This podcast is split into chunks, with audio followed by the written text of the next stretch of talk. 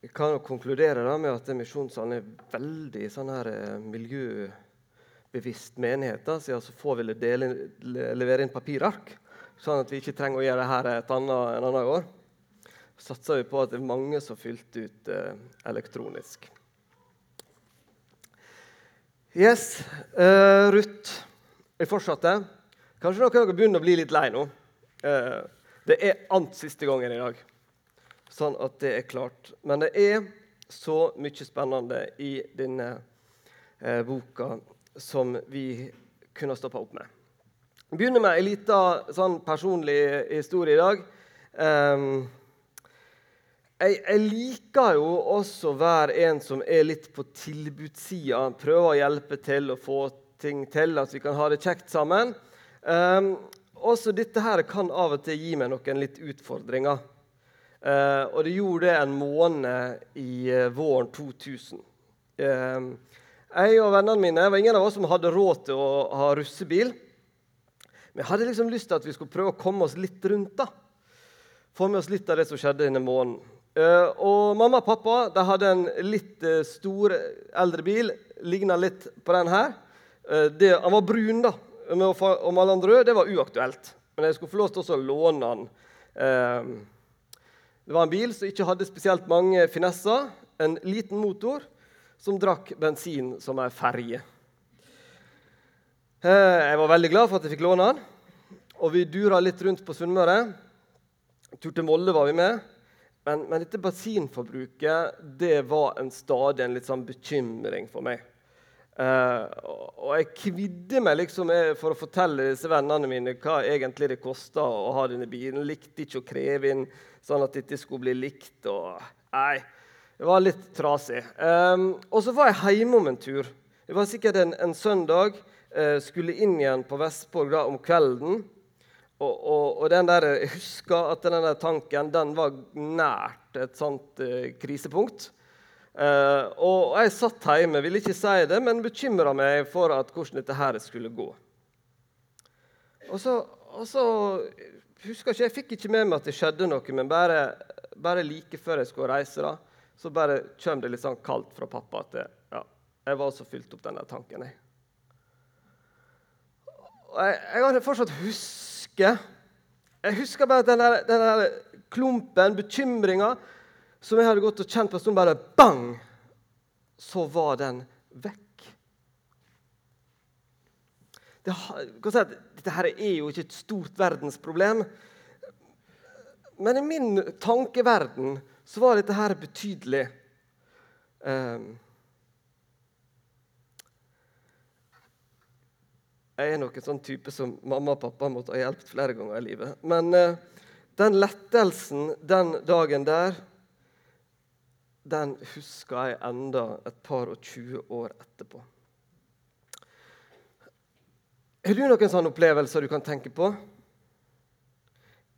Er det noen ganger liksom, den klumpen i magen har vært skikkelig stor?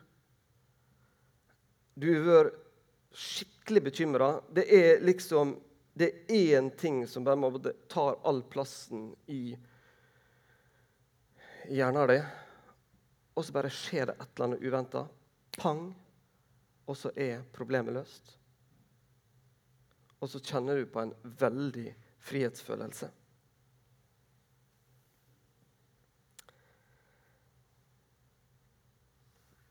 Vi skal se mer på Ruth og Naomi. Og temaet i dag er løsning. Vi kommer i dag til ei løsning i denne boka.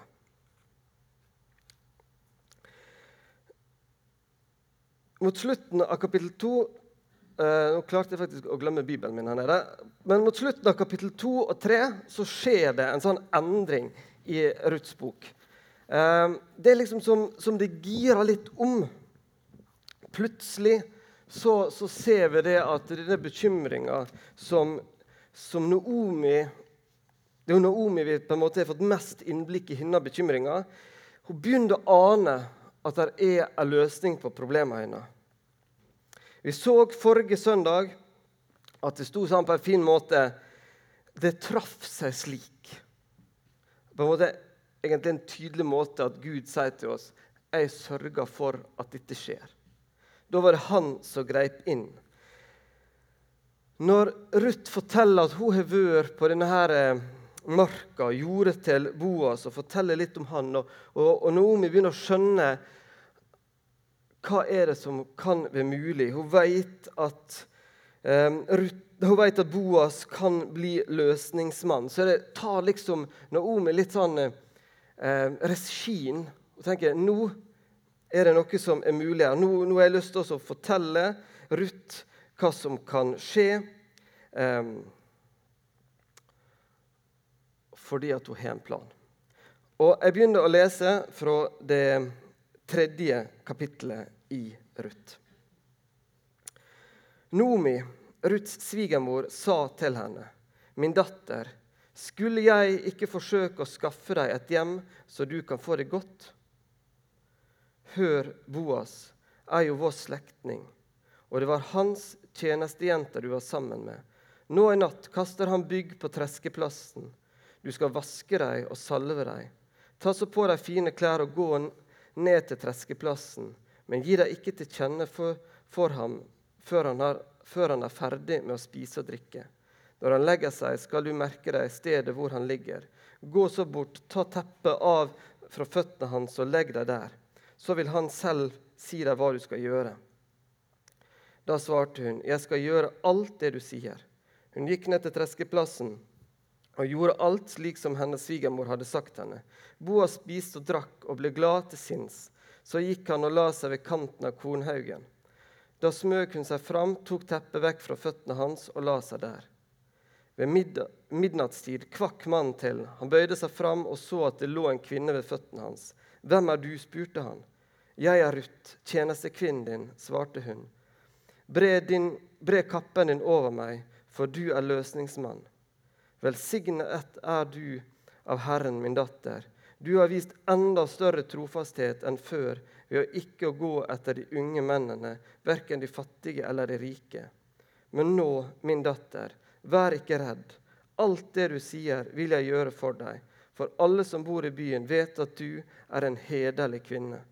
Det er sant at jeg er løsningsmann, men det er en annen løsningsmann som er nærmere enn jeg. Sov her i natt. Hvis, i vil løse, hvis han i morgen vil løse deg ut, så la ham det. Men hvis ikke, vil, hvis ikke han vil løse deg ut, skal jeg gjøre dette selv. Så sant Herren lever, bli bare liggende til i morgen tidlig. Hun ble liggende ved føttene hans til om morgenen, men hun sto opp før folket kunne dra kjensel på hverandre. For han sa til seg selv, det må ikke bli kjent at kvinnen kom hit, til treskeplassen. Så sa han, kom hit med sjal du har på deg, og hold det fram. Og da hun holdt sjalet fram, målte han opp seks mål bygg og la det eh, på henne. Deretter gikk han inn i byen. Eh, det er en ganske sånn snesen historie, det her. Vi har et uttrykk som kan bruke om ganske mye forskjellig, som heter 'å pynte bruda'. Når, Omi skjønner litt hvor dette her kan gå, hva muligheter det ligger i et ekteskap mellom Ruth og Boas, så, så har hun altså planen klar.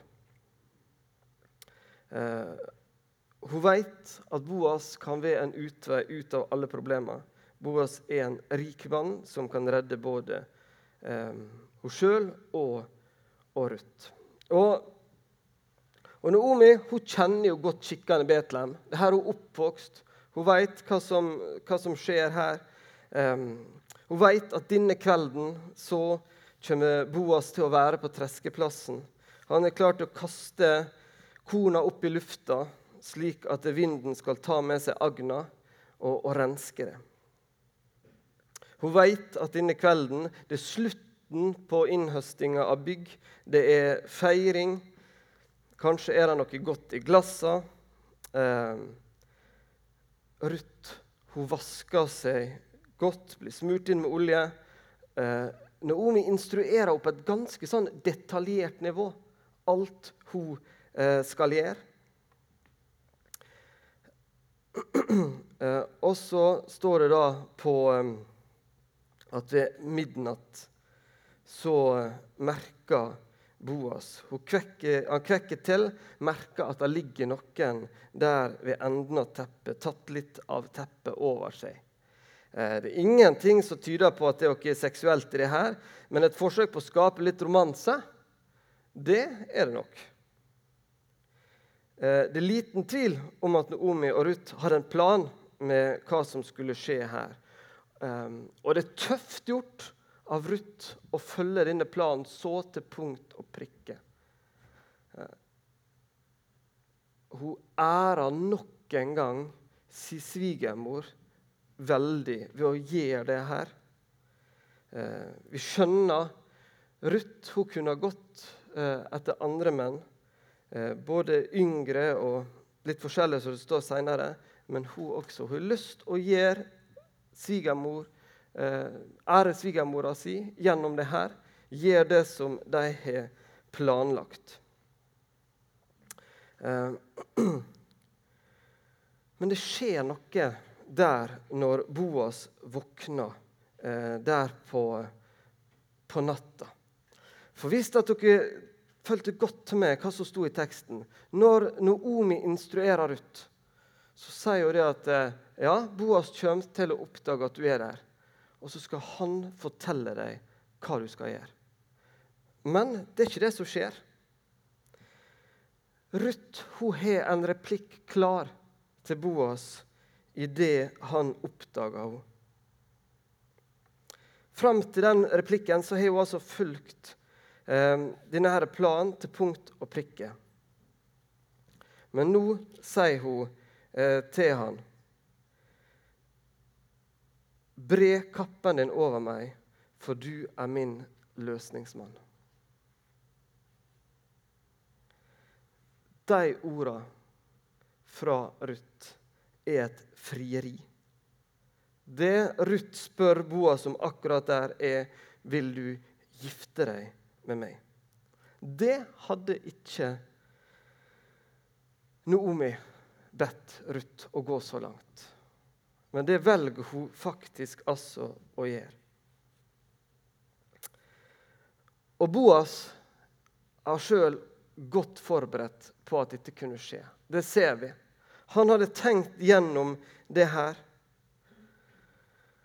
Han hadde sett for seg at akkurat dette kunne skje. Han hadde tenkt gjennom, han visste at jo, jeg er i slekt. Jeg er en som kan løse, ved løsningsmann for Naomi og Ruth. Men jeg vet at det er en som er foran i eh, rekka. Han visste det at eh, eh, Ruth kunne finne andre menn. Kanskje det hadde vært lettere for henne eh, i og med at det står sånn, uten at vi vet det sikkert. Men de hadde altså tenkt på det her, begge to. Og Noe som er spennende, er å se at det her som Ruth her sier til Boas, det finner vi i Esekiel 16. Der står det Da jeg gikk forbi og Dette her er Gud som sier til israelsfolket, ikke til en spesiell person. Da jeg gikk forbi, fikk jeg se at din tid var kommet, tiden for å elske. Så bredte jeg fliken av kappen min over deg og skjulte din nakne kropp. Jeg sverget deg troskap, inngitt pakt med deg, og du ble min. Så sier Herren Gud, jeg vasket deg med vann, skylte blodet av deg og salvet deg med olje. Så ser vi hvordan dette her henger sammen. Esekiel det er på en måte Gud som snakker til israelsfolket.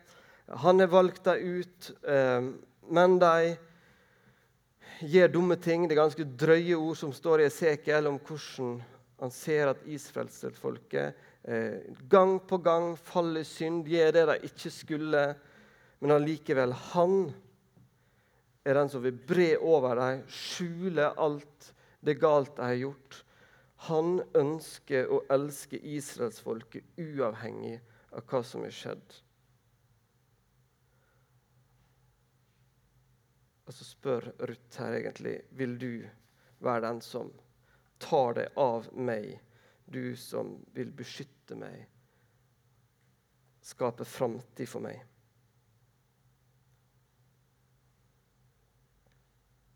Det er ganske sterke ord. Og så fortsetter Boas å gi eh, et skussmål. Han sier noe om eh, Ruth. Um, Velsignet er du av Herren min datter. Du har vist enda større trofasthet enn før ved å ikke gå etter de unge mennene, verken de fattige eller de rike. Og nå, min datter, vær ikke redd. Alt det du sier, vil jeg gjøre for deg. For alle som bor i byen, vet at du er en hederlig kvinne. Dette ordet 'hederlig' som står her, blir ikke brukt om ei anna kvinne i hele Bibelen. Det skussmålet som Ruth her får, er det fineste vi kan finne sagt i hele Bibelen. Det velger han å bruke om henne. Det sier noe om, om det inntrykket han har fått, og den truskapen hun har vist overfor sin svigermor. Dette blir tatt merke til av folka i Betlehem. Og I eh, min bibel så kommer ikke dette tydelig fram. Men når Boas blir presentert i det første verset i kapittel 2, hadde vi da hatt grunnteksten, så hadde vi sett at det er samme ordet. Det er. Eh, ordet er også det som Boas blir presentert med i 2.1. Det er faktisk noe med disse to ordene det er to hederlige personer. Det er to verdige personer. To personer som er verdige hverandre.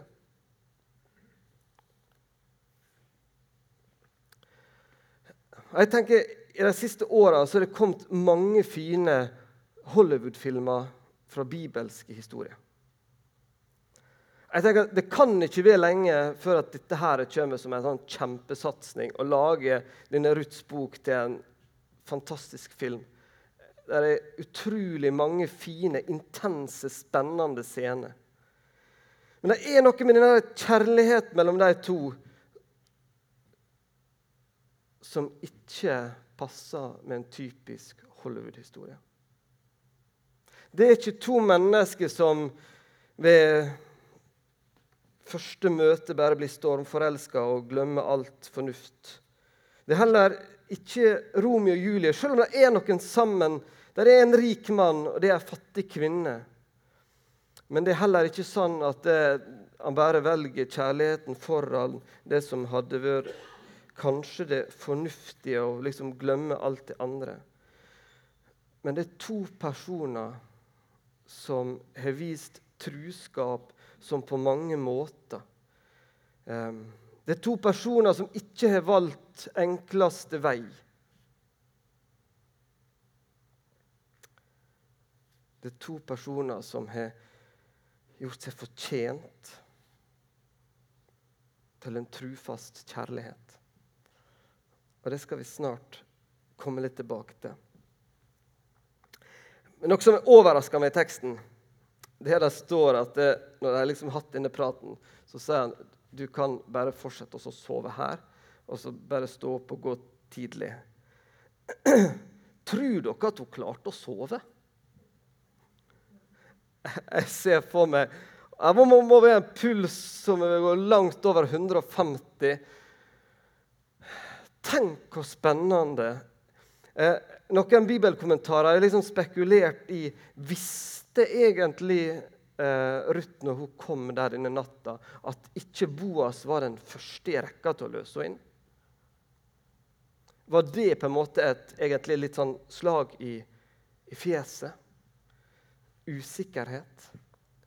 Eh, jeg tror Boas også var kjempespent.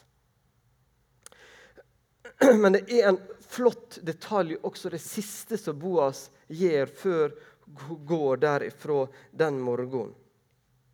Fordi at han visste at det var ingenting usømmelig som hadde skjedd der. Men det var viktig for han at ikke andre skulle tro det, at ikke dette her skulle være noe som øla rykte verken hinna eller hans. Så han vil ber at hun skal gå før andre ser hvem hun er. Og så sender, med, sender han med henne korn. Eh, sånn at skulle hun treffe noen på veien, så lurer på hvorfor kommer du her nå. Så har hun korn og viste at hun hadde hatt noe der å gjøre. Og I tillegg så er det et tegn fra Boas. Han ønsker å vise til Noomi at det som han har sagt eh, til Ruth denne natta, det har han tenkt å gjennomføre. Dette tallet, Det står at det er seks, eh, seks mål med bygg. Og når tallet seks eh, kommer sånn i Bibelen, så er det for noe er ufullkomment. Han viser akkurat ved det at jeg har begynt på noe som ikke er fullført, men som jeg har tenkt å fullføre ganske snart. Vi skal lese litt videre. Vi skal lese ti første versene fra kapittel fire. Boas gikk opp til byporten og satte seg der. Da kom den løsningsmannen forbi som, had, som, han hadde snakket om. Boas kalte han ved navn og sa, 'Kom hit og sett deg.' Så gikk han dit og satte seg. Boas så seg ut ti menn av byens eldste og sa, 'Sett dere her.' Og de satte seg. Så sa han til løsningsmannen, 'Noomi, som er kommet tilbake fra Moab, vil selge det jordstykket som tilhører vår slektning Elimelek.' Jeg har tenkt at jeg vil gjøre deg kjent med dette og si:" Kjøp det i nærvær av dem som sitter her, og i nærvær av mitt folks eldste. Vil du innløse det, så innløs det. Men hvis du ikke vil, så si det til meg, så jeg vet det. For det er ingen ved siden av deg til å, løse, til å innløse det, men jeg har retten nest etter deg. Han svarte, 'Jeg vil innløse det.' Da sa Boas, 'Den dagen du kjøper åkeren av Naomis hånd, må du også ta Ruth, den moabittiske enken, slik at den dødes navn kan bevares og jordstykket gå videre i arv.' Løsningsmannen svarte, 'Da kan jeg ikke løse, for i så fall forringer jeg arven for mine egne barn.' Løs du det som jeg skulle ha løst, for jeg kan ikke gjøre det. Før i tiden var det slik i Israel når det gjaldt innløsningen og byttehandel, at for å bekrefte en sak skulle man dra av seg sandalen og gi den til den andre parten. Slik ble en sak vitnefast i Israel. Løsningsmannen sa til Boas, 'Kjøp det du.' Og så dro han av seg sandalen. Da sa Boas til de eldste og til hele folket.: Dere er i dag vitne på at jeg kjøper av Naomis hånd alt som har tilhørt Elimelek, og alt som har tilhørt Kilion og Malon. Jeg tar også Mobitkin Ruth, Malons kone, til ekte, slik at den dødes navn kan leve videre og jordstykket gå i arv.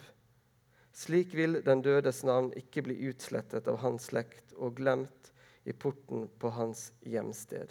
Dere er i dag vitne på dette.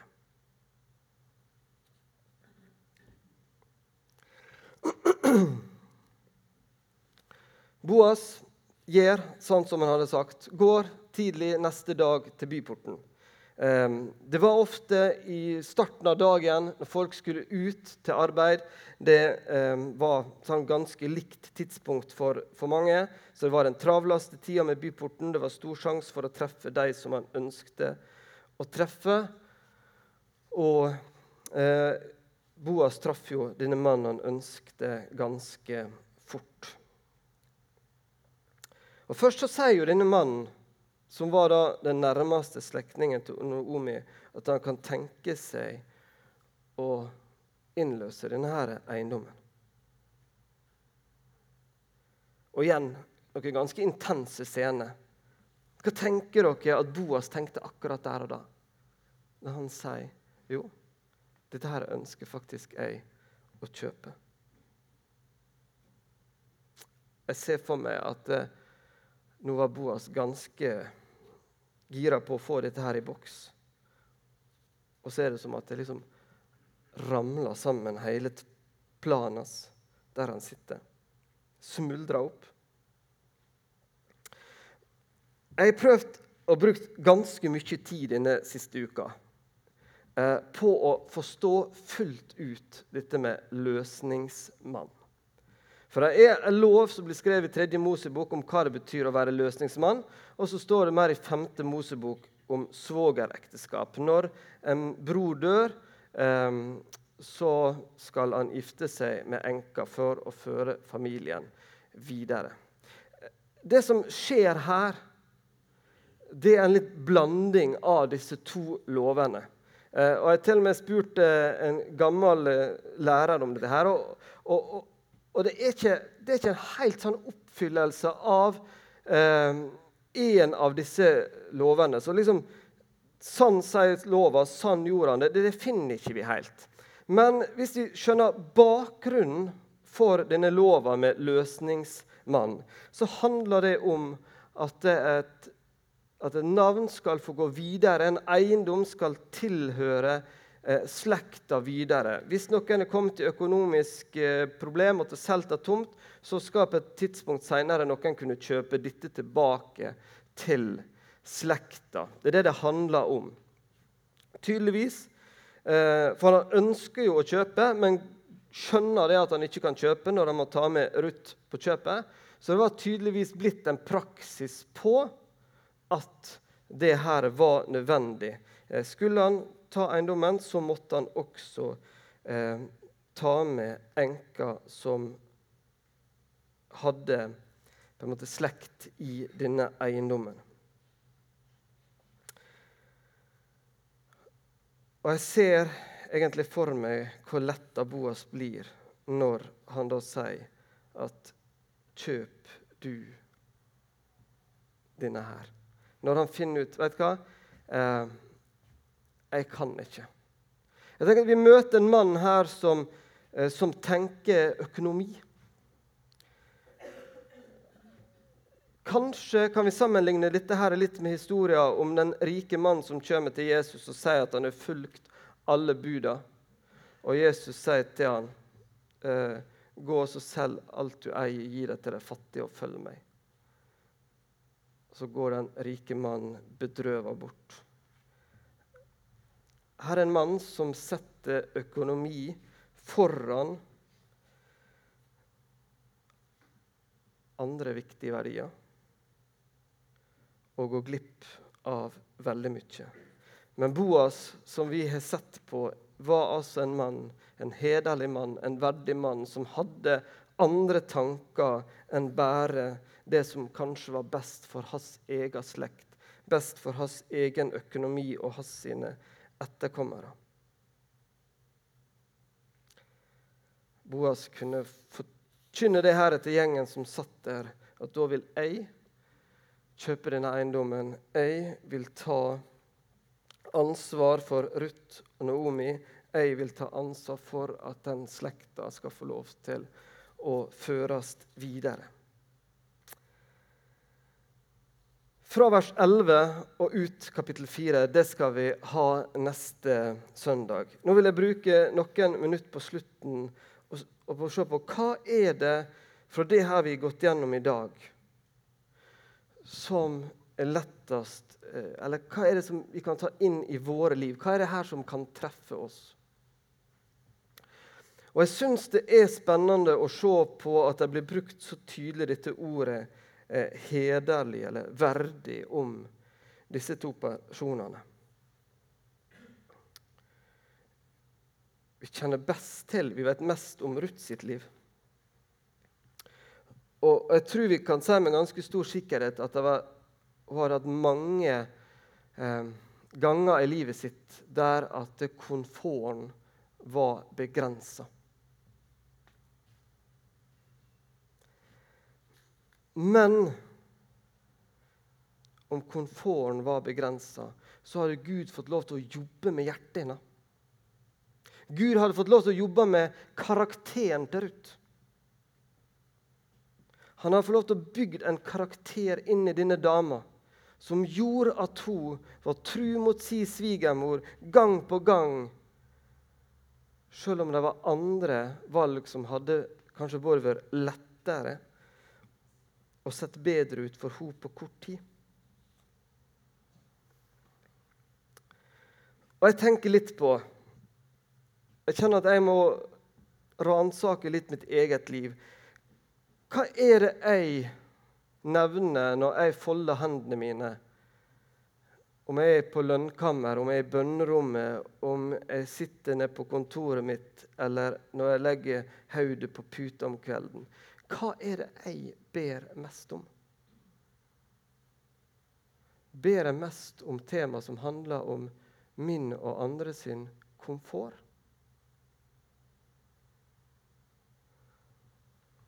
Eller ber jeg om at Gud må jobbe med min og andre sin karakter? Hva ser jeg på som det viktigste?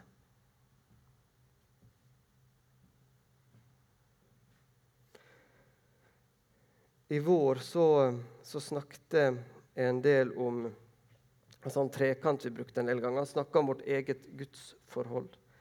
Eh, og da sa jeg bl.a. at Gud ønsker å gi mer i oss enn gjennom oss. Gud trenger også å få lov til å jobbe med karakteren vår. Hvem vi er, hvordan møter vi forskjellige situasjoner, hvordan tar vi våre valg? Og så kan det hjelpe han til å bruke oss som gode redskap i sitt arbeid. Men la oss tenke litt på det. La, la Ruth og, og, Boas få lov til å være noen forbilder for oss til å tenke på vår karakter. Og, og, og det er nok en gang ikke noe som vi skal lov til å, ikke vi skal trenge å, å liksom ta oss sånn sammen. Dette er noe som Gud ønsker å jobbe i våre liv. Vi kan be om at han skal få lov til å slippe til. Ta tak i, jobbe med hva er det vi har på innsida.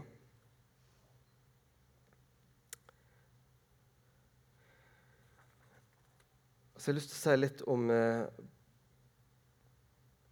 en annen aspekt ved det at Boas og Ruth de er hederlige og går nå mot et ekteskap. For det ekteskapet det er et bilde på et annet ekteskap. I Johannes' åpenbaring står det tydelig om et ekteskap som skal komme. Den ene parten, det er Jesus. Guds sønn, født inn i vår verden. Fått menneskeblod gjennom at Maria som før henne føde henne, men like fullt fullt ut Gud. Han var gjennom det verdig til å være brudgom. Men ikke nok med at han er verdig til å være brudgom, men så har han gjort alle mennesker som tror på han, alle mennesker som til, ønsker å tilhøre Jesus, de har han gjort verdig gjennom å dø på korset, gjennom å vinne over døden. På samme måte som Ruth ble vaska, på samme måte som vi så i Esekiel at Gud vaska israelsfolket, så har Jesus vaska oss rein. Slik at en dag så skal vi få lov til å ha bryllupsfest. Der vi skal få lov til å være brud. Der Jesus skal få lov til å være brudgom der han er verdig, og han har gjort oss verdig. Og Grunnen til at han kan gjøre det, er for at han har elska oss med en evig kjærlighet. Vi aner noe av det i denne historien fra Ruth. Du ser at det er, så, det er så gjennomtenkt, det som skjer med Ruth og med Boas. Det er et tegn på at det, noe her er planlagt. Vi har en Gud som fra før han skapte verden, før han skapte noen av oss, så var det gjennomtenkt. Gud elsker oss med en evig kjærlighet. Uansett hva vi gjør galt, så vil han breie denne kappa over oss. Ta seg av oss.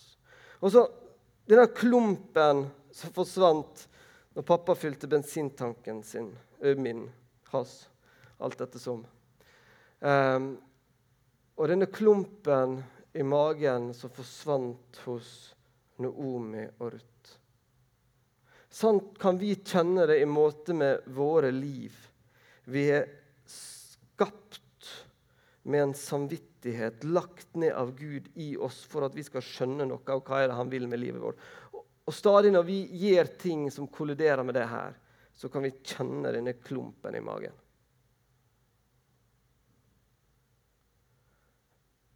Men den klumpen, den har Gud tatt seg av. Vi skal få lov til å se Jesus inn i øynene, fortelle hva vi har gjort. Og så kan han si, 'Du er tilgitt'. Jeg har løst deg ut, jeg har frelst deg, jeg har sørga for hele din framtid.